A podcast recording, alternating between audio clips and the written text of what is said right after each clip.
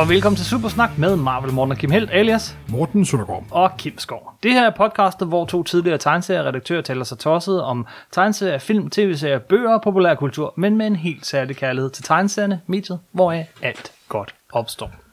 Og i dag skal det handle om, Marvel er ved at gå konkurs.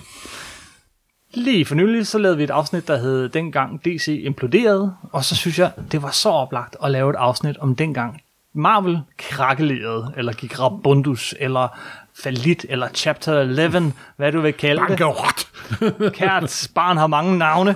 øhm, og det er, øh, det er jo noget af en historie. Altså, jeg tror, øh, det er også en historie, som jeg, jeg tror, mange af os ikke rigtig kender. Jeg kendte den i hvert fald ikke, før jeg satte mig sådan rigtig ind i det.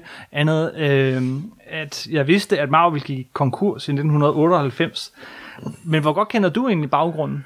Og jeg kender dig det var en af de der uh, junk bond, junk bond og en masse finansielle manipuleringer, øh, manipuleringer og stærkt u- uærlige folk på, på Wall Street. Yes. Og jeg har bare vidst, at åh, bare dog mine helte overlever, og mm. der var mange folk, der var enormt bekymrede, da Disney overtog Marvel i 2010 eller 11. Og jeg var utrolig lettet, for når jeg tænker på, at det på et tidspunkt var et kanadisk skovhugsfirma, et fransk champagnefirma, eller de værste røver på den jord, der havde fat i mine kære helte, så var jeg glad til, at de nåede et tryg havn. Tryg havn henne hos musen. Yes. Øh, og, det er faktisk det, det er lidt rejsen derhen til, jeg vil gerne, øh, jeg gerne vil prøve at genfortælle i dag. Men øh, hvordan husker du det dengang? Det var aller værst, du stod i butikken. Jeg husker det, at lige pludselig skulle vi jo have bladet fra andre steder på kloden, og nye forhandlere, og total kaos, og så var der 90'erne, hvor de overprintede alt, og Ja. overmasseproducerede. Der var nogle måneder i 90'erne, hvor Marvel på en måned udgav 180 hæfter. Yes, Fuldstændig grotesk på en måned. optrykt, og alt muligt. Det var fuldstændig uoverskueligt simpelthen. Ja. Og en fjerdedel af det lige pludselig måneden efter. Ja. Det var meget, meget mærkeligt. Øh, jeg har gjort en lille smule research til det her afsnit, ikke? Øh, og primært så har min research bestået af den bog, der hedder Comic Wars af Dan Raviv. Øh, men jeg har også kigget lidt på nogle retsdokumenter, artikler og den slags. Og med udgangspunkt i det, så tænkte jeg, at vi skulle gøre noget lidt anderledes, end vi plejer her i Supersnak. Vi vil prøve at fortælle en historie. Okay. Og øh, sådan en historie, den skal jo starte et sted. Så lad os starte øh, fortællingen i cirka 1995 med legetøjsfirmaet Toy Biz. Ah, Ja, det var ejet af millionæren Isaac Perlmutter, som meget den her historie kommer til at handle om. Han bliver kaldet Ike. Han var øh, en af de der rige, og han er en af de der rige, som virkelig ynder at leve i næsten total skjul. Øh, det er svært at finde fotografi af ham overhovedet. Så han blev rygtet som gnier af første grad. jeg har hørt visse historier om ham. Og så ejede han aktiemajoriteten i et legetøjsfirma, der hed Toybiz. Ike Perlmutter, han havde sådan tre år før, øh, før her hvor vi begynder historien i 95, gjort århundredes handel, synes han selv. Han havde, øh, han havde det her legetøjsfirma, som havde en god succes, men en kæmpemæssig udgift, nemlig royalty-betaling. Altså rettighederne til de her figurer. Han, øh, han kunne se, at actionfigurer med Marvel øh, her i starten af 90'erne, de solgte som varmt brød, men det var pisse dyrt for dem. Så han foreslog øh, ejeren af, af aktiemajoriteten i Marvel på det tidspunkt, Ronald R. Perlman, at han kunne få øh, 40% af Toybiz, hans firma, til gengæld for evig fritagelse for royalty-betaling for Marvel-figurer. evig. Og det kom der til at stå i kontrakten. Og så forventede han selvfølgelig, at sammen, så kunne Toybiz og Marvel blive noget kæmpestort sammen. Altså, det, det, det kunne blive det største. Så, så han var glad for den her handel. Men så nogle år efter, Toybiz og Marvel, det var peanuts for Ronald Perlman. Han, han, han havde overhovedet ikke lige så meget på, på spil, som Perlmutter han havde. Han havde ikke rigtig haft vilje til at gøre noget ved den her investering, han havde i Marvel. Og, øh, og lad os lige, inden jeg hopper videre herfra, lige, lige, lige kigge lidt nærmere på ham her, Ronald Perlman. Øh, han var og er en af de rigeste mennesker i USA, eller i hele verden. Han var øh, bestyrelsesformand for det, der hedder McAndrews Forbes, øh, som kontrollerede øh, øh, størstedelen af parfumefirmaet øh, Revlon. Og han havde mange andre øh, forretningsimperier, herunder Marvel Entertainment Group, som han styrede fra 1989 til cirka midten af 97. Og så havde han nogle uheldige handler, for at sige det mildt. Øh, under Marvel-firmaet havde han opkøbt to samlerkortsfirmaer. Øh, Topkarne, ja. ja, Skybox og Fleer. Åh oh, ja, det, Det var sådan, ja, kan du huske dem? Jeg vil også huske, at øh, på det tidspunkt bliver alle samlekort masseproduceret og overproduceret, så hele markedet kollapsede efter nogle år. Simpelthen. Ja, det var ikke kun det. De, de var specialiseret især i, øh, de lavede superhelikopter, det var især baseballkort, de, de lavede og solgte, ikke? Men han købte dem lige før, der var kæmpestor, langvej strække i Major Leagues. Så hele den sportsgren, den blev ligesom sat på pause, og så røg sa- samler man en ligesom også sammen med dem. Øh, han købte også et klistermærkefirma, Panini. Dem kender? Dem har jeg haft noget at gøre med, især den europæiske afdeling. Mm-hmm. Det var dem, der havde rettigheden til de danske marble, Ja, senere. og som vi Øh, havde store problemer med. Nogle husker måske for de her samler øh, klistermærke samlealbum, som, som var meget populære i 80'erne. Ja. Øh, og dem havde han også købt lige da de var på deres allerhøjeste. Panini udgav også Dr. Who-magasin i England. Yes, yes, yes. øh, Det hele hænger sammen.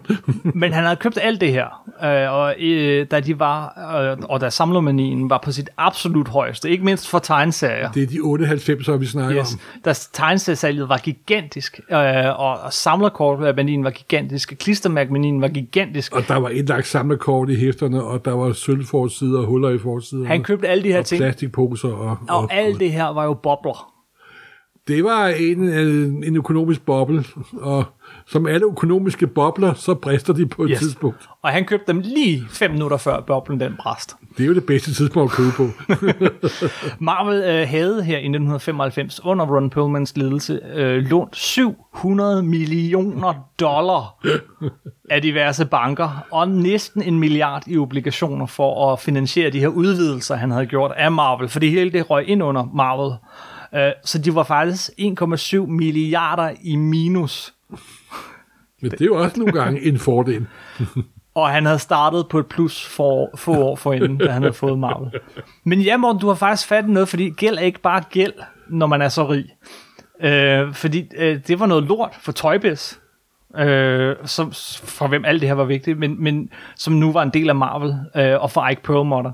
Men for Ronald Perlman, hmm, så var det her med en masse gæld også en måde at undgå at betale skat på. Uh, et minus, så længe det ikke bliver for stort, er faktisk en ret smart måde at have noget, man kan trække fra på. Og opretter man en hel masse holdingselskaber, så kan man flytte gælden sådan lidt rundt her og, og der, og så trække, uh, trække, gæld, uh, trække, trække det delvist fra af flere omgange. Jeg har aldrig fået forstået økonomi, kan jeg. Nej, men der var Marvel Holdings, og der var Marvel Parent Holdings, og der var Marvel Holding Holdings, så der var det ene og det andet. Nå, men anyway. En dag her i 1995, øh, så sætter øh, Ike Perlmutter et møde stand med Ronald O. Perlman for at vise ham regnskaberne og, konfrontere, og overbevise ham øh, til, at nu skulle han altså til at vinde skuden lidt for Marvel, før det går helt galt med al den her gæld og det faldende salg. Fordi salget var lige pludselig fuldstændig fald. Og det her møde, som man sætter øh, i stand, det foregår i det, der bliver øh, det, der hedder The Townhouse. Det, det er simpelthen navnet. Øh, her, øh, du skal forestille dig sådan et sted, hvor at øh, chefen, Ron Perlman, han mødes med alle sine topfolk, topadvokater og topchefer og sådan noget, hver eneste morgen, for at snakke om løst og fat, fast, mens de sidder på deres kondicykler, og de får målt deres blodtryk, øh, og, og, og de sidder sådan omgivet af gigantiske Andy Warhol-malerier og Roy Det Lichtenstein. lyder som en dårlig Hollywood-film. De ryger cigarer og snakker grimt om kvinder og konkurrenter. Uh, altså, det er virkelig en scene fuldstændig ud af... Jeg ud fra, at der ikke er nogen kvinder med i det selskab. Nej, ingen. det er en scene fuldstændig ud af, af hvad hedder den, Wolf on Wall Street, ikke? Det er lige præcis, hvad det er. Og det er, øh, det er sådan et kæmpe hus midt i Manhattan, hvor Ronald Perlman han også selv bor. Det, det, det her, det er hver eneste morgen, tidligere morgen, så mødes de. Ja, nå, no, anyway. Ike, øh, ham her millionæren, han må jo føle, øh, altså han, det må have været underligt for ham, han er millionær, ikke? Men han træder ind her, og, og lige pludselig er han den lille mand. I det her øh, kæmpe rum, ikke? Men han, han, han siger det som det er. Det er noget, han også er kendt for. Han, øh, han siger det som det er. Marvel er på vej ud, hvor vi ikke kan bunde. Vi er ved at gå bankerot. De andre, der sidder her, de er, ikke så, de, de er faktisk bare vant til, at ham her gnieren, han, han hele tiden bekymrer sig, og han er sådan en, der sparer alle steder, øh, han kan. De tror ikke rigtig på ham. Men, øh, men han bliver ved. Uh, Ike Perlman, han siger, vi skal lave film, vi skal lave spil, vi skal gøre et eller andet, der kan få folk til at købe legetøjet og tegneserien igen.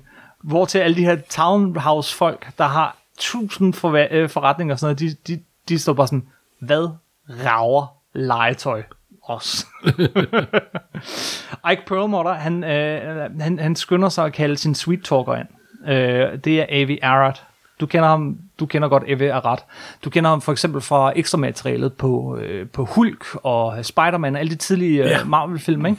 Det er ham her, det, israeleren, der... der Og han bliver stadig nævnt i, som, som, Han var som, producer, som hjælpeproducent. producent på alle Spider-Man-film og alt det her. Han bliver kaldt ind, og, og han holder sådan en brandtale med, vi skal lave film, vi skal lave tv, vi har Blade på vej, den kommer snart fra New Line Cinema, og, og det skal nok gå godt, men, men, men vi bliver nødt til at, at gøre et eller andet. Øhm, øhm, det som det som Avi Arad og Eric Perlmutter havde fattet her i 1995, det var, at, øh, at det var nu, det skulle handles. Det var nu, der skulle satses, hvis Marvel overhovedet skulle reddes. Men Ron Perlman, han havde allerede besluttet sig. Det var mere profitabelt at sende, sælge junk bonds til investorer, end det var at sælge film og legetøj til teenager. Uh, junk, John bonds, Bonds er sådan nogle meget suspekte værdipapirer. Som blandt andet øh, med Wolf of Wall Street han, handler om. Ja, det er sådan en slags tredje, tredje rangs obligationer, eller sådan noget. Det, junk betyder skrammel, ikke? Jo, Øhm, det er sådan noget, der bliver udstedt af debitorer, hvor kreditværdigheden øhm, den er meget, meget lav. Måske endda så lav, øh, så den, ikke, den kan man ikke med standarden på. ordet mandatsvig vil nok optræde på gange. Jo, jo, men det er, det er sådan noget høj risiko ting. Du kan tjene virkelig meget på junk bonds, hvis du ved, ved hvad du laver, men det er et ordentligt sats. Øh, og det er også bare sådan en måde at tjene penge, tryk penge nærmest, hvis du har et firma. Øh, og, så det, det så han flere penge i, end han gjorde i legetøj. øh, ja, men, øh, men altså, ja, og junk bonds, det var noget, som Perlman, han var virkelig mester i at sælge. Ron Perlman, nu kunne jeg godt tænke mig faktisk lige at bruge lidt mere tid på ham. Uh, den her cigarrygende, skaldede lille mand, skilt tre gange, det er, det er det dårligste forretning, han har gjort, fordi det har virkelig kostet ham millioner og milliarder. Han købte Marvel i 1989 af New World Entertainment, et lille bitte Hollywood-selskab, som stod bag øh, de der lavede for tv-film øh, øh, film med Hulk. De ejede faktisk Marvel på det her tidspunkt. Det gjorde de, ja. Det gjorde de. Det ejerskabet skiftede nærmest, som jeg skiftede sokker. Fuldstændig, det er helt vildt. Uh, han købte det for 82,5 millioner dollar. Er Ja, jo- og han var jo smart, fordi det var faktisk kun 10 millioner, der kom fra hans eget selskab, Meg Andrews Forbes. Resten, det var lån i banker som medinvestorer. Øh, og, og, de var altid villige til at, at låne penge til Perlman, fordi han lånte så meget, øh, og, og, og generelt køber og låner for milliarder. Så, så Marvel havde ikke kostet ham en skid. Alle vegne på den klode. Men Det havde ikke kostet ham en skid. Øh, Men ham her Perlman, ligesom hans far jo, sådan, sådan, han har øh, i den branche et meget misundet øje for undervurderede selskaber, som han overtog, skyndte sig overtog, øh, indsat sin egen ledelse, fodrede det op, så det fik en kæmpemæssig værdi på papiret, og så solgte det, øh, delte op i bitte små bidder, øh, og så solgte det meget dyrere, end han havde købt det. Det, øh, det var han god til. Øh, det, den her slags forretningsmand, det har også et andet navn på engelsk. Det bliver kaldt for en corporate raider. hvis man kan huske uh, Pretty Woman, Ja, den rolle, som Richard Gere spiller i filmen, det er prototypen på Corporator. Jamen, hvis man skal oversætte det til dansk, så er det sådan en selskabsraserer. Øh, Slagter, pirat, snyder, Man kalder det også, øh, det han gør, øh, det han gjorde, det, var, øh, det bliver også kaldt for hostile takeover. eller også er det en riskær. En fjendtlig indstillet overtagelse, ikke? hvor man ikke bare, hvor man ikke har det firma, man køber Ja. ja. langsigtede interesser, Nej. øh, og ved at vel øh, for øje, men kun hvad man kan tjene på det lynhurtigt. Ikke? Han gjorde det for eksempel med Technicolor i øh, 83, som han købte for 125 millioner, og i 88 så solgte han det for 780 millioner. Det er sådan, man bliver rig, Morten. Åh, oh, jeg har ikke nerver til det. Nej, nej. Og det var især uh, Revlon, det her parfumefirma, som, uh, som, som gjorde ham til sådan et etableret navn som dygtig og brutal forretningsmand. Han øh, sagde jo, da han købte Marvel, at han ville udvide Marvel og gøre det til et mini-Disney. Men han lagde aldrig rigtig nogen plan for, hvordan han ville gøre det. Han startede med at streamline Marvel ved at skære alt fra, der ikke bragte overskud. Øh, og alt, hvad han tjente øh, på det, kunne han selvfølgelig investere i Marvel. Men det gjorde han ikke. alt det, det kom han i hans egen lomme, mens Marvels gæld, den bare voksede. Øh, og gælden, den blev betalt med en ny lån og aktieudstedelser og junk bonds. Lån betalt for lån, og så længe aktiekursen var fin, jamen, så er det jo fint. Og den var fin på det her tidspunkt. Indtil det her møde i 1995, hvor det hele lige er bristet.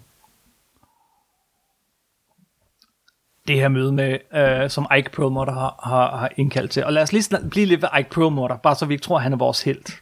100% med. Der er kun skurk i den her historie. Ah, han, han var sådan en, der startede virkelig småt og voksede sin, øh, fi, øh, sin formue øh, ved at have øje for de her bitte små detaljer. Ikke? Du kan faktisk give ham skylden for, at Marvel i mange, mange år havde tyndere og lidt ringere papirkvalitet end DC. Fordi det var sådan, han var god til at se de der steder Ja. og spare. Og han var helt nede, altså sådan noget med, nej, vi skal da ikke have en julebonus til medarbejderne og sådan noget. Han Men var typen, der anklagede folk for ikke at skrive på begge sider af papiret. seriøst, ja, Ja, men jeg har hørt historier han, om, han, at- øh, han var inde øh, til besøg, hvor han skulle have sådan et øh, resume af, hvordan det gik med Marvel og sådan noget, og det ene- eneste, han svarede bagefter, var sådan, har du virkelig brug for tre faxe, faxmaskiner? han var virkelig sådan en, ikke? Øh, han også, altså sådan en, han fødte født i Israel, han kæmpede i seksdageskrigen i 67, han kom til Amerika med 250 dollar på lommen. Og noget af det første, han gjorde, det var at stille sig op ved jødiske kirkegård. Så tog han en kalot på, og, øh, og en bønnebog i hånden, og så begyndte han sådan at gå rundt og misse for de døde øh, mod betaling. Det er sådan noget, man kan, hvis man er ortodox jøde, øh, og det var han ikke. Men det vidste de jo ikke. og han brugte de penge, han tjente på det. På, øh, øh, han er kl- klassiske self-made man, simpelthen. Han brugte de penge, han gjorde på det, på at opkøbe øh, især varehuse. Ikke? Altså for eksempel så købte han 500 stykker sæbe for et par cent hver, og så solgte han dem for et par dollar. Og på 30 år, så gik han fra 250 dollar til 500 millioner. Jamen, der er nogle folk, der fokuserer hele deres liv på at tjene, tjene, tjene penge. Det er for mig nogle meget triste mennesker. Han stod op, øh, før solen stod op. jamen, jeg er ikke i tvivl om, at han har knoklet for at være en grå. Han stod op, før solen stod op hver dag, så spillede han tennis hver eneste morgen, og så sad han ved telefonerne indtil klokken halv ni om aftenen. Men han havde altid fri, når der var sabbat og jødiske helligdage. så sådan var han. Og han blev ved med at opkøbe, og han stod for mange, og han stod også for sådan nogle hostile takeovers, øh, indtil, øh, indtil han øh, øh, købte en del af varelæret hos øh, Coleco og Mattel. Øh, de solgte ham sådan en kæmpe restlager af legetøj, og langsomt men sikkert så blev han sådan primært legetøjs baron, kan vi kalde ham det? Legetøjsbaron. øh, og, og det var her, han fandt ud af, at især Marvel-legetøj, det solgte rigtig godt. Og det var derfor, han lavede den her handel med djævlen i skikkelse af Ronald Perlman. Marvel i sig selv, Marvel-forlaget, det har aldrig været en særlig god forretning indtil da. Øh, på sit kreative højeste, så øh, i 60'erne, så kostede et hæfte cirka 12 cent, og, og Marvel havde en, en årlig omsætning på omkring 6 millioner dollar. Jo, men det er jo det sjove ved, det er jo de der underlige små mennesker, der lavede de her mærkelige figurer, der nu har overtaget verden, Ja, og det er ja. jo også en del af det fascinerende ting ved det, det må man jo sige. Men på sit kreative højeste årsomsætning på 6 millioner dollar, det er altså ikke så meget. Nej, nej, men det er jo... Øhm, men, men det blev, øh, altså man kunne købe aktier i det ret tidligt, og Martin Goodman, som ejede Marvel, havde, havde gjort det siden starten, øh, han solgte det i 1968 Ja. til, til et magasin og vitamins, altså vitaminpille Ja. konglomerat, der hed Cadence Industries. Øh, og kort efter han gjorde det, så skred, øh, så skred øh, Kirby fra Marvel, og Stan Lee, han flyttede til Kalifornien, øh, hvor han prøvede at få omsat til alle sine figurer til Hollywood, øh, uden det store held. I hvert fald ikke i begyndelsen. Nej, men det her med at have flyttet ud, og nu skulle Marvel lave film og tegnefilm og alt det her, det blev kaldt for Phase 2. Jamen, jeg, jeg, jeg, jeg, jeg, kan du jamen, huske det? det er sjovt, for jeg kan jo huske alt det der, jeg har set det fra tegneseriens side, ikke? Mm. Og det var sådan nogle ting, der skete i baggrunden hele tiden, og jeg var sådan set godt klar over det. Men jeg var mere interesseret i, om det gik ud over Fantastic Four, Spider-Man og Thor og alt muligt, og Captain America. Og vi har jo selv været inde på mange gange, at her i 70'erne, så daler kvaliteten i tegneserierne en del. Jamen, der gik der rygter om, at øh, i dag der jo ikke, men der skete jo også det sjove, at i 70'erne var der også en masse underlige kreative ting med alle de her mærkelige, udsyrede mennesker, der fik lov til at komme ind. Jim Starling og Steve Gerber og Ja, alt ja, ja. andet. Så det var jo både en, øh, en dekade med stor forvirring på de klassiske hæfter, enorm eksperimentering på, på de andre, og total forvirring. Ja. Og skiftende ledelse. Meget skiftende. Alle var redaktør på et eller andet tidspunkt. Det Simpelthen. blev ved indtil en 27-årig Jim Shooter, han overtog året Ja, i 78. ja. Og der gjorde han faktisk flere ting. For det første så sørgede han for en ordentlig sundhedsforsikring til, til de ansatte. Og han sørgede for royaltiesbetaling. Han gav, yes, at der kom et afkast af de tegneserier, som solgte godt. Det gik til tegnere og forfattere. Og resultatet var jo, at kvaliteten og øh, i hvert fald Ja, så, i er bundniveauet steg. Shooter ikke noget, ikke nogen negativ. Bundniveauet steg, og salget steg.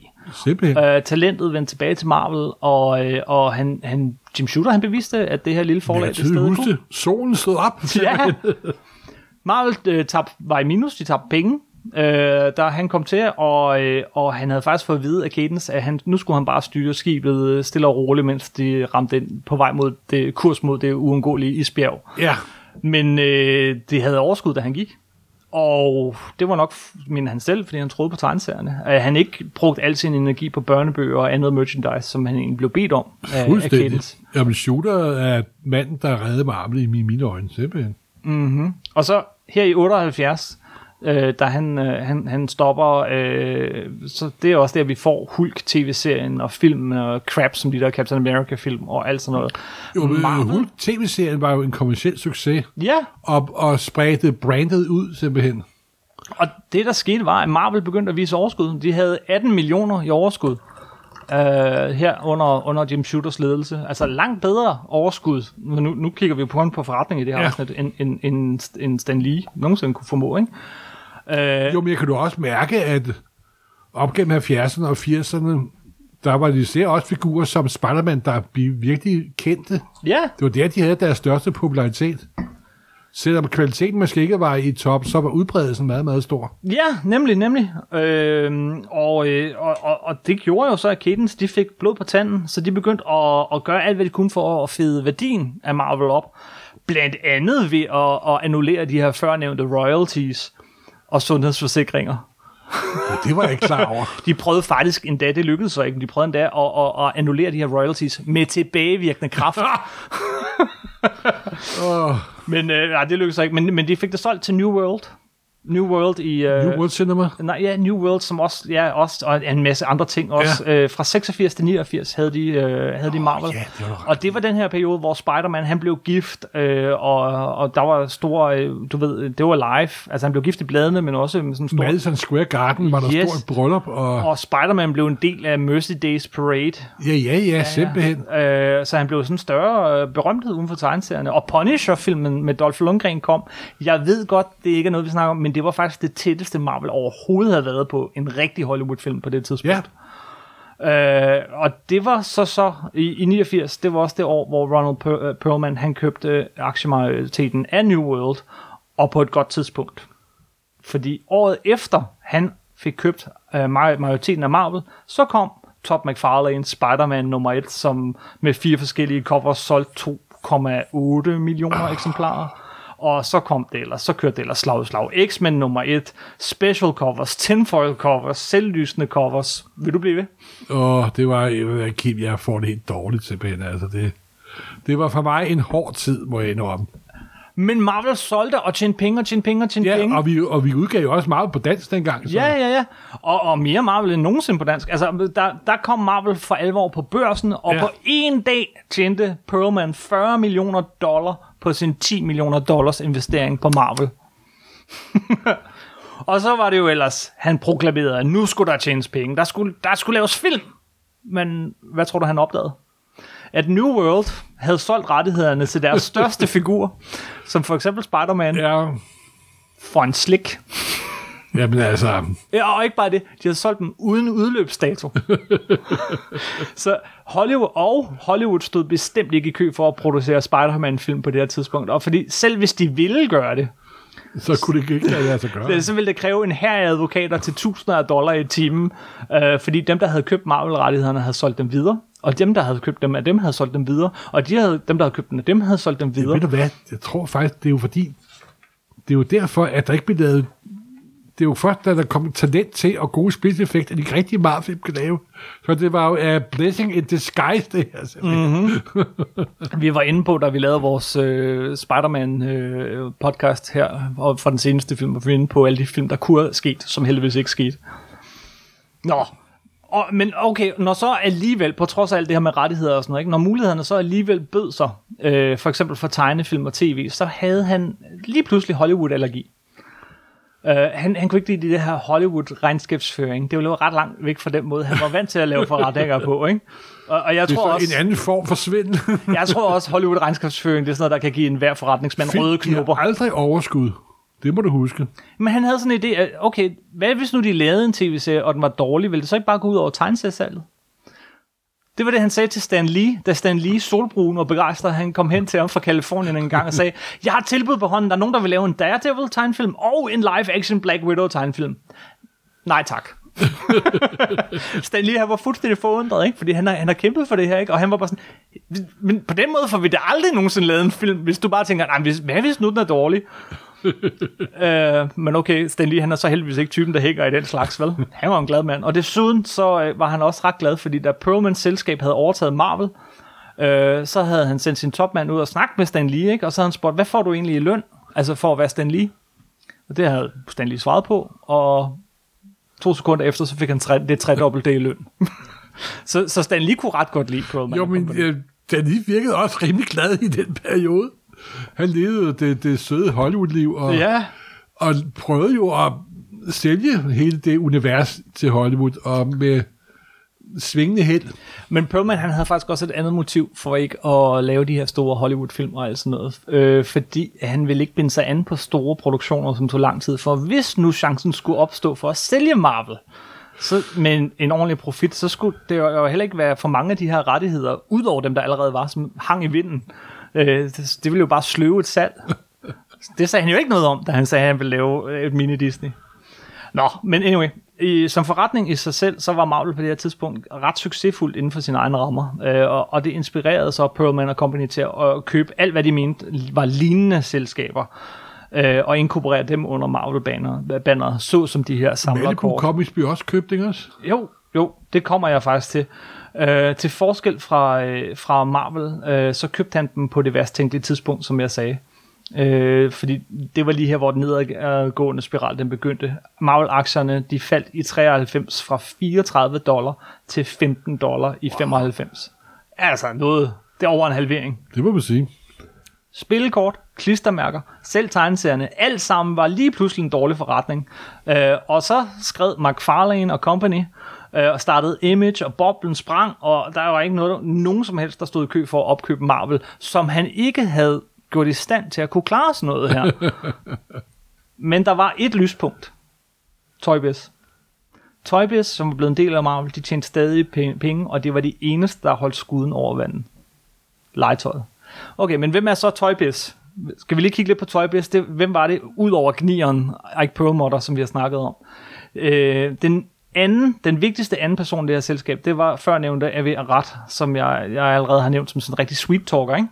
Han var lidt mere end bare en sweet talker. Han havde designet mange af de bedst sælgende øh, legetøjsprodukter for Hasbro, Mattel, Tyco, alle de her andre. Jeg er ikke klar over, at han var gammel tø- tø- legetøj-designer. Um, uh, bare på royalties, øh, så tjente han et sted mellem 3 og 6 millioner om året for det legetøj, han har lavet. Han har lavet meget af det allerbedste, øh, bedstsælgende legetøj. Cool, cool. Øh, og han var også israeler og krigsveteran, øh, såret i seksdageskrigen. Øh, og ellers så skilte han sig ud fra de andre ved at, øh, du ved, langhåret bagi, tynd på toppen, øh, gråhåret, altid iklædt læder, øh, som er sådan designet, ikke? og han kør, kørte næsten altid kun på Harley Davidson. Øh, altså, men så var han også den, der som mere end alle andre, som alle de andre, de havde aldrig rørt et Marvel-hæfte, vel? Det havde han. Og han kunne se potentialet i Marvel, da han først fik foden indenfor, efter at Marvel fik de her 40% af Toy Biz. Han havde drømme om Marvel og en tro på det. Øhm, og Toy Biz blev lige pludselig en af de største legetøjsfirmaer i hele verden, fordi de ikke betalte royalties, som jeg sagde, for evig tid. men, øh, men da nu alting gik skidt for Marvel, legetøj, øh, hvad hedder klistermærker og alt sådan noget, men det gik godt for Toy Biz, så ved Royal Perlman jo lige pludselig gerne købe lidt mere af dem. Øh, og det var Ike Perlmutter og Avi Arad ikke så begejstret for. Men noget skulle der jo gøres. Øh, de var jo ligesom bundet an på det her Marvel, ikke? Så Pearlman, Perlman, han fik en større del af deres lavkage, men med to betingelser. For det første, at eneretten til royalty-frit og stadigvæk for evigt at kunne lave, øh, lave øh, Marvel-legetøj, at den, den rettighed, den fortsatte. Det var ret øv for Perlmutters folk, som så et meget større økonomisk potentiale i at sælge rettighederne sådan fra år til år til forskellige. Øh, og så fik de vetoret på store beslutninger, som for eksempel at sælge ud af Toy Biz. Og det skulle vise sig at blive pænt vigtigt lige om lidt med den her vetoret. Okay. Øh, men på det her tidspunkt, så fik han altså også en mulighed, at Ron Perlman han fik en mulighed for at udstede flere aktier i Toy Biz Marvel og sælge dem øh, for 35 millioner, hvilket lige præcis dækkede renter og omkostningerne på deres 700 millioner kroner øh, dollar store øh, lån. Og bankerot blev udsat i første omgang. I fire måneder. Fordi bankerne, de var begyndt at blive bange for, at de aldrig nogensinde ville få deres 700 millioner dollar igen. Aktiekursen på Marvel, den var nu lige pludselig nede på 4,5 dollar i 96. Og, øh, og 85 procent under, hvad den var i 93. Jeg kan godt huske det. Der var... Men jeg var begyndt at blive lidt bekymret på det tidspunkt, kan jeg huske. Det var man. Øh, og det var de jo også selv. Så i 96 så hyrede de øh, Scott Sasser som leder. Du har måske hørt om ham. Scott Sasser, han, han, han, det var ham, der startede Cartoon Network og en hel masse. Nå, ja. Øh, han havde aldrig læst en tegneserie. Det var der ikke nogen af dem, der havde. Øh, men, øh, men han lyttede til Avi Arad, som havde læst de her tegneserier, og han begyndte at travle op i de mange øh, rettighedsstridigheder, der var, og, og fik, fik ligesom prøve at, at gøre sådan, så man kunne lave en X-Men-film, som var den mest populære tegneserie på det tidspunkt, og en Spider-Man-film. Og så var det, at James Cameron Spider-filmen, den var lige ved at lykkes. James Cameron Spider-Man-film, men Cameron han endte med at springe fra, da han blev træt af at vente på, på rettighederne, ligesom Hvad vi er evigt tak- taknemmelige for. Øhm, og samtidig så prøvede de her Townhouse-folk øh, endnu en gang at købe A.V. Arad og Ike Perlmutter ud. Øh, de tilbød dem 200 millioner dollar i hånden, øh, men øh, der var et stort men på det tilbud. De, de, skulle, øh, de her penge, det skulle primært være i gældsbeviser. så de sagde nej tak. Jeg tænkte på det. ja. Og havde de sagt ja, så er jeg ikke sikker på, at vi havde haft et Marvel i dag. Det tror jeg heller ikke. Aktieinvestorerne, altså udover bankerne, de har mistet omkring 90 millioner dollar. Obligationskøberne omkring en milliard dollar. Bankerne begyndte at presse på. Måske kunne Ronald Perlman købe sin gæld med, øh, kunne de købe gælden øh, med rabat, så de begyndte at forhandle. Perlman han tilbød vist 300 millioner dollar for de 700 millioner dollar, bankerne troede med at klage, øh, altså, så bankerne begyndte at tro med at erklære Marvel konkurs. Velvidende, at øh, Perlmans ry og rygte og stolthed nok ikke ville tillade, at de gik konkurs. Så det var ligesom sådan en trussel. Okay. Der tog de bare fejl, fordi øh, Ron Perlman, han var også smart. Øh, hvis Marvel blev erklæret konkurs, eller rettere i betalingsstansning, Det er Så- det, der hedder Chapter 11, Yes. som amerikanerne har. yes, så skulle han i retten, ja okay, men så slap han også for at betale en krone tilbage i hele den periode. En Chapter 11 er mange firmaer, der har overlevet på. Og så tænkte han, at måske kunne han på den tid nå frem til en eller anden profitabel handel med dem. Altså øh, slippe af med det der gæld meget billigere, eller noget andet. Så, øh, og det er jo så det underlige, det er sådan det der, der er rigtig amerikansk, ikke? Øh, han, ejer, han er milliardær. Han ejer, han ejer så meget, han kunne da sagtens betale Marvels gæld af. Øh, og hvilket i sig selv, det vil redde Marvel lige med det samme, fordi det her underskud, det var jo gæld. Det var ikke fordi, de ikke kunne tjene penge. Det var, fordi, øh, det var fordi, de havde gæld, og så fordi, at hver gang de tjente penge, så blev pengene flyttet fra det ene holdingselskab til det andet, og krydret med det her junkbonk-salg og sådan noget. Men det er jo det her, det sjovt, ikke? Selvom det er ham, der ejer det, så det er jo ikke ham, der går konkurs. Det er kun hans selskab, der går konkurs. Det, det, Ja, den det, nuværende præsident er jo også ekspert i den slags ting. Ja, det er sådan, loven fungerer, hvis du er rig nok. så der var aktier i omløb på det her tidspunkt for, for hvad, kan man sådan, face value for omkring 900 millioner dollar i Marvel, men de havde faktisk kun en faktisk værdi af 200 millioner på det her tidspunkt. Uh, og en intern revision, den viste, at tegneseriesalget ville fortsætte med at dale mindst 12% i 97. Det ville blive ved med at dale. Uh, så Perlman, han gav, før han erklærede Marvel konkurs, et ultimatum. Enten tager I de penge, der er, og så går I, øh, eller også så går vi konkurs. Og med, med den tanke, at 15% af noget er bedre end, end 80% af ingenting. Simpelthen. Nå, men øh, banker og investorer, de begynder at presse på for at sælge Marvel, gerne i, i små bitte bidder. En figur til et selskab, og et til nogle andet. Ikke? Og der var interessenter. Øh, Fox, DC, Det kan jeg huske. Det er jo... Warner og mange andre. Men Perlman, han blev ved med at stå på sit take it or leave it.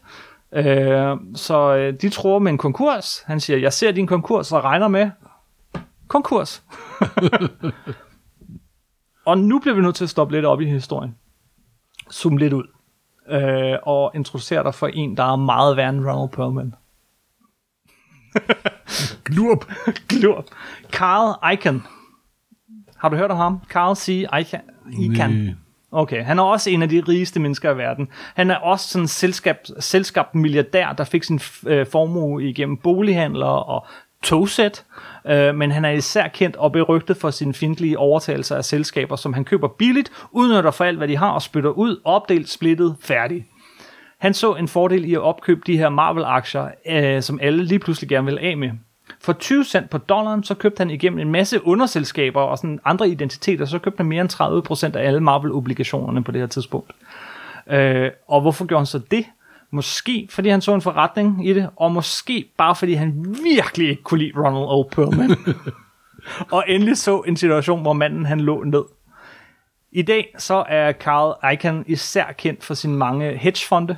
Uh, han er den 17. rigeste mand i verden, og præsident Trumps personlige rådgiver for fin- finansielle regulationer. Ja, mm, jeg er godt klar over det. Det var også ham, der interviewede uh, Scott Pruitt uh, som, til, til, uh, til posten, som, som uh, hvad hedder sådan noget, miljøminister derovre. Men dengang, så var han især berygtet som manden, der rated øh, medicinalindustrien, og mest spektakulært, og det kender du godt, den her historie, Transworld Airlines, som han købte og kørte i sænk og tjente en formue på.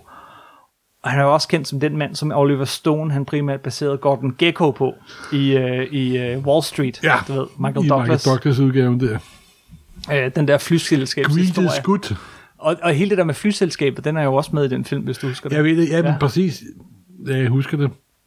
Øh, uh, Icahn han brugte sin aktieandel til at blokere for salget uh, for, uh, for et forslag om at udstede flere aktier, altså bare fortsætte den her ond- og for at fjerne investorernes mulighed for at købe sig ud med tab. Og han uh, fik tvunget Marvel til at, uh, at misse sine afdrags, uh, låneafdragsbetalinger, fordi det ville tvinge Perlman til efter loven at skulle sælge sine aktier først til dem, der allerede har aktier, og da han havde 30%, så regnede han med, så kunne han købe aktiemajoriteten. Eneste have ved den plan, en konkurs. Og så nemt, øh, så nemt giver en mand som Ronald O. Perlman sig ikke. Han skar ind til benet. I november i 1996, så fik Scott Sasser, altså han prøvede en sidste gang her, så fik Scott Sasser den kedelige opgave af, øh, at fyre 115 medarbejdere i Marvels bullpen. 115 medarbejdere på en dag. Det var der folk som Herb Trimp røg. Nå, gud, ja, selvfølgelig. Ja, ja, ja. Trimp, han havde været der siden 1966, og Jamen, Scott ja. Sasser havde været der i en måned. Ja, men Og så købte de den der tegneseriedistributør Heroes World. dem kan jeg godt huske. Yes, fordi det gjorde dem lige pludselig til det eneste sted, man kunne købe Marvel-blade Jeg hjem. husker, at vi havde frygtelige problemer med at skaffe blade på et tidspunkt. Ja, Marvel var nemlig stadigvæk det mest populære øh, selskab, øh, og, og så det satte ligesom alle butikkerne. Blandt andet fantastisk, ja, som en jamen, kattepige, det, ikke? jamen, jeg har mærket det på min egen krop. Så de satte på, nu kan de, de, de gjorde et sidste forsøg på at tjene en masse penge, men der skete jo det, at der var mange af tegneserieforhandlerne, der sagde, øh, fuck dig. og så fjernede de simpelthen Marvel fra hylderne. Det var en kæmpe fejl. Andre forlag, de havde øh, også øh, lige pludselig, de, de tordnede frem med, med computerfarver og, og tryk og alt muligt. Og så var det så, Perlman han købte Malibu øh, Comics, fordi de havde sådan en computerfarvelægningsafdeling. Det var, ja, selvfølgelig. Ja, du kan huske det. Ja, ja, ja, ja. Det hjalp overhovedet ikke særlig meget. Marvel prøvede også at, øh, at bruge at få image-tegnerne tilbage til Marvel til at lave deres vigtigste blade. De lavede nogle crossover med Marvel, Mar- Malibu-universet og Ja. Marvel-universet. Ja, Blandt andet er der jo en syvende Infinity-sten, der stammer fra Malibu-universet. okay, det kender jeg ikke. Og det er en historie, som alle har glemt alt om tilbage. Øh, Men altså, øh, ja, og så bragte de image-folkene over for at lave Captain America og alt muligt skidt. Og Ja, det hjalp ja. heller ikke. Faktisk så skete der jo det, at fansene begyndte at vinde sig imod Marvel, ikke? Og, og de begyndte at Det var en hård tid at være Marvel-fan, vil jeg sige. og de så Perlman som den store superskurk, dem der satte sig lidt ind i det, ikke? Det gjorde jeg, jeg da i hvert fald. Ja, ja, og imens så ude i kulissen, så venter øh, Icahn her, og, øh, og, og de to israeler, Ike Perlmutter og er ved at ret, de er sådan fanget sådan lige i midten mellem de her to giganter. Øh, så, men, okay, med far for overfortolkning, at være den lille omringet af giganter, er noget to israelere og veteraner fra seksdageskrigen har erfaring med. Nu er det David mod Goliath, du også er ved at køre ind over. De er blevet sig fast, og alle forsøg på at pille dem ud af Marvel-ligningen, først fra Perlmutter og senere fra Ican og fra de store banker, de nyttede ingenting, fordi de havde vetoretten, og fordi, måske især fordi, er ved at ret, han troede på Marvels potentiale. Den 27. december 1996, så var der en togvogn fyldt med advokater, som rejste til Wellington i Delaware, øh, øh, for at mødes med en dommer dernede og erklære Marvel for Chapter 11. Det er altså den der særlige situation, Ja. ja. hvor et firma ifølge amerikansk lovgivning må forsøge at rekonstruere sig selv under en konkurs for at undgå en total bankerot. Der er faktisk firmaer, der har kørt under Chapter 11 i overvis og fortsat med at fungere som, som det, firma. det kan tage lang tid at kræve rigtig mange advokater. Ja, Øh, og for Marvels vedkommende, så endte det der med at tage øh, næsten tre år. uh, ja. Øh, Larry Midman, øh, Ike Perlmutters advokat, han har senere sagt til Lester øh, øh, i sådan et, en artikel der, at, at Ron Perlman, han troede, han var ved at afslutte en seksdages krig ved at erklære dem konkurs, og i virkeligheden så var han ved at starte Vietnamkrigen. Okay. Lang historie kort. It backfired. 24. marts 1997, efter meget frem og tilbage, altså nu er vi lang tid efter, ikke? meget frem og tilbage mellem advokater og banker og frontalangreb fra ICANN, så besluttede dommeren øh, for nu, at alle Ronald Perlmans obligationer i Marvel Holding-selskaber skulle tilfælde Carl Icahn som straf for dårlig ledelse. Okay. I fjerde kvartal af 1996 var Marvels indtjening dalet med en tredjedel. Øh, firmaet det mistede næsten en halv milliard dollar det år alene. Og vi snakker altså om en firma, der startede med at indtjene 6 millioner om året. Ikke? og få år tidligere havde Marvels aktieværdi gået fra 2 øh, til 30. Altså f- for få år, da han overtog det, ikke, så gik øh, øh Marvels aktieværdi fra 2 til 30 dollar. Altså en stigning på 1400 procent. Og de her mange penge, 900 millioner, som kom ud af det, det røg altså bare ned i lommen på Ronald McMoney. øh, og øh, men det betød jo ikke, at øh, Ican, det her, at Ican han fik, øh, han fik alle de her obligationer, at han vandt krigen. Øh, han vandt bare det her slag, fordi på grund af Chapter 11 lovgivning, så kunne man ikke ændre på bestyrelsen. Så derfor var det stadigvæk Ronald Perlman, som sad for bordenden i bestyrelsen. Er du, er du med stadigvæk? Det er lidt, det er lidt svært at finde Det rundt må i man sige. Øhm, Carl Urken, øh, han var lige ved at have alt det, han overhovedet ville have. Altså Marvel, men også bare vinde over, øh, over, over øh, Perlman. Men så var der Ike per, øh, Perlmutter, som lige pludselig så en tredje vej. At ingen af de to, de skulle overtage. Men hvad nu, hvis Marvel og Toybiz blev slået sammen, og formodet, hvis de kunne formå at rejse så mange penge, at de kunne overtage helt? Altså, det var noget, de ville foreslå for dommerne og for bankerne. God idé måske, men det er også nemmere sagt end gjort. Men det var det, de, det, var det, de forsøgte, og han fik rejst nogle penge. Og Marvels værdi steg faktisk en lille bitte smule her. Uh, imens Icon hele tiden prøvede at vriste kontrollen uh, ud af dem ved at sagsøge Toy Biz for den her uh, kontrakt med, at de havde rettighederne for evigt. Ja, ja. Det mente jeg, han kunne. Uh, men i alle hemmelighed, så mødtes uh, Carl Icahn og så Ike Perlmutter fra Toy Biz, mens retssager og sådan noget, uh, og for sådan lige, fordi Perlmutter, han kunne godt lige have alle muligheder åbne, og for at diskutere, om han måske skulle sælge Toy Biz til Icahn og resten af Marvel, hvis, uh, hvis alt gik galt, ikke?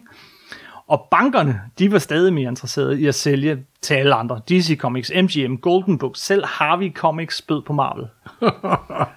Sony var millimeter fra at købe. Og, og, og sådan stod det altså på. Jeg, det, der kunne jeg blive ved. Nu, nu hopper vi lidt hurtigt gennem historien. Ikke? I, I to år kørte det frem og tilbage. Frem og tilbage. Lige ved at blive solgt. Lige ved at blive splittet. Alt muligt. Den ene sagsøger den anden. Det hele kører i retten. De er chapter 11. Øh, ingen tør at købe noget af Marvel. De kan jo ikke lave film. De kan ikke lave tv De kan ikke lave noget, fordi det ingen... Eller sådan, jamen er der noget Marvel lige om lidt? Og, og alt den slags, ikke? Men så lykkedes det. Ikke med held. Og ikke kun med penge. Men nostalgi. Okay. Der var et møde. Og ikke bare et møde. Øh, dem havde der været mange af. Men det måske allermest afgørende møde med Icons folk, med Ronald Perlmans folk, og især bankerne. Det var dem, der havde indkaldt. Og alle deres advokater. Ikke? Bankerne var blevet utålmodige. Nu, vil, nu havde det her stået på længe nok. De ville have deres penge igen, eller rettere, de ville have så mange som muligt af dem igen, de kunne få, og de var godt klar over, at det var nok en del mindre, end de havde lånt ud.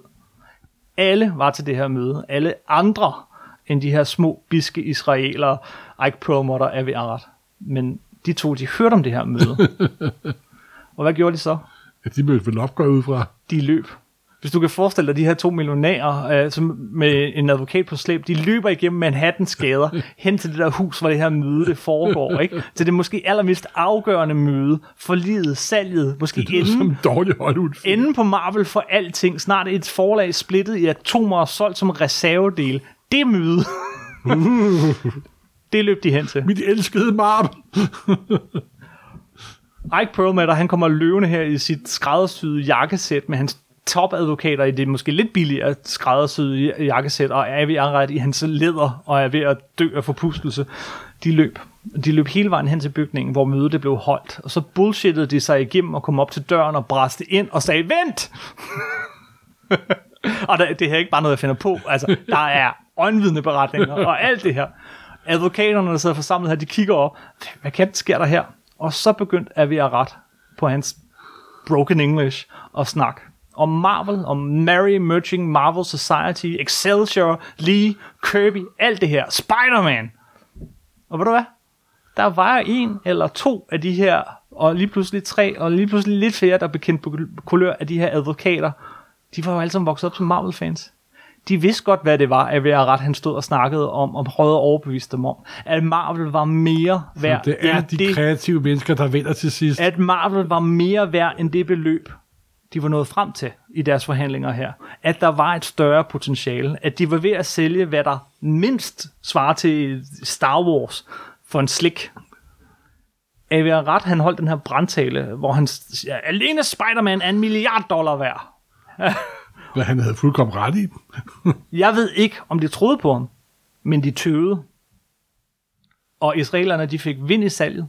Øh, de, de ventede med at, at, at gøre det, så de satte ting på standby, imens israelerne, de fik øh, vind i sejlene, de fik samlet investorer nok, og fik nogle, nok af bankerne med til at gå hen til dommeren og foreslå, at de skulle overtage Marvel, ikke de to milliardærer, øh, som jo var kendt for deres corporate rating.